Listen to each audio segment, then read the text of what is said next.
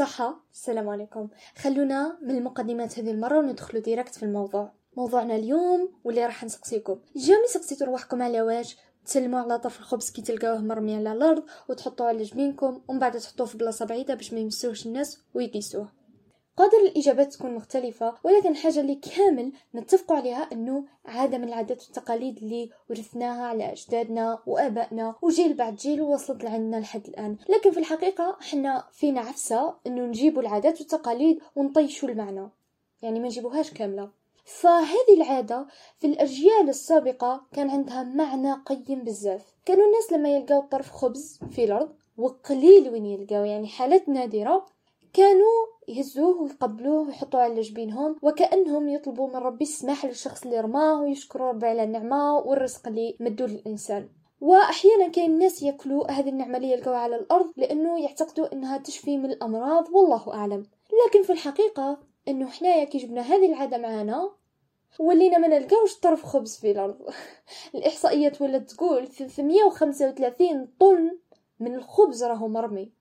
يعني الإنسان راح يسلم وراح يحط على جبينه حتى يكره. الحقيقة أنه قادر يكون تبذير. معليش عادي رانا في وقت ولا العالم كامل يبدل. بصح الصدمه وين؟ أن عمال النظافة قالوا باللي جميع أكياس الخبز هذه المرمية جاية من أحياء القصديرية. يعني ذكا صايمة ولاش تبذير على الطبقات الغنية في المجتمع ولا على كامل الناس؟ قاع الناس ولا تطيش في الخبز؟ وهذا الشيء ما يصرى إلا لما يولي المجتمع في حالة إشباع.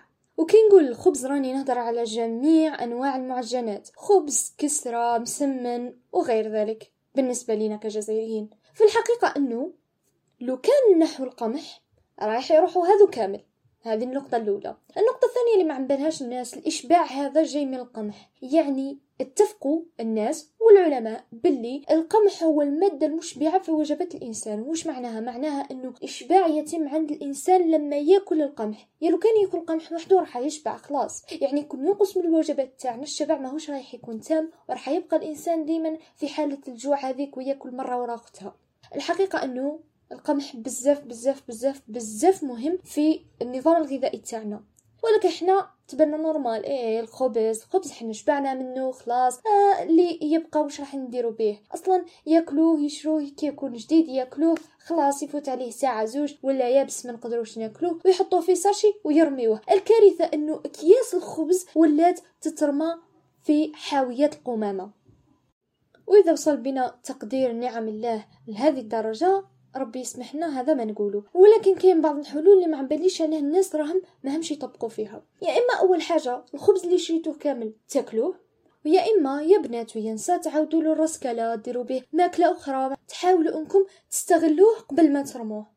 وإما الحل اللي نورمالمون كامل ننتهجوه إنه نشريو الشيء والقدر اللي يكفينا. مش إحنا عائلة في زوج أفراد نروح نشري خمس باقيطات كي رانا نوكل في عرس. فهذا هو الحل الأمثل.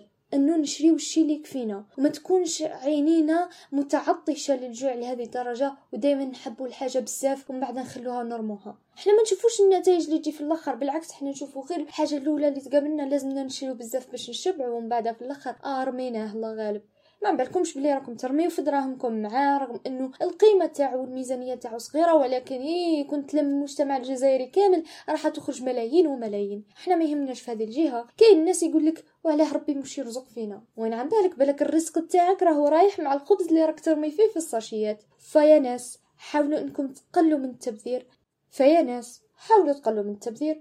وكأضعف الإيمان ورايحين ترميوا الخبز وما لقيتوش كيفاش ديروا ما تحطوهش في حاويات القمامة. خصولو مكان خاص به كاين رعاة كاين ناس اللي تجي تدي هذا الخبز وتعاود تستعملو إذا كنتو نتوما ماكوش رايحين تستعملوه كاين ناس تحتاج هذا الخبز أكثر منكم. خلي يديو الأجر في بلاصتكم. ونزيدو نراجعو رواحنا مش في الطريق نلقاو الخبز نسلمو عليه وفي الدار رانا نطيشو فيه أطنان وأطنان من الخبز. فربي يسمح لنا كامل وربي يهدينا إلى ما هو خير لنا. والسلام عليكم.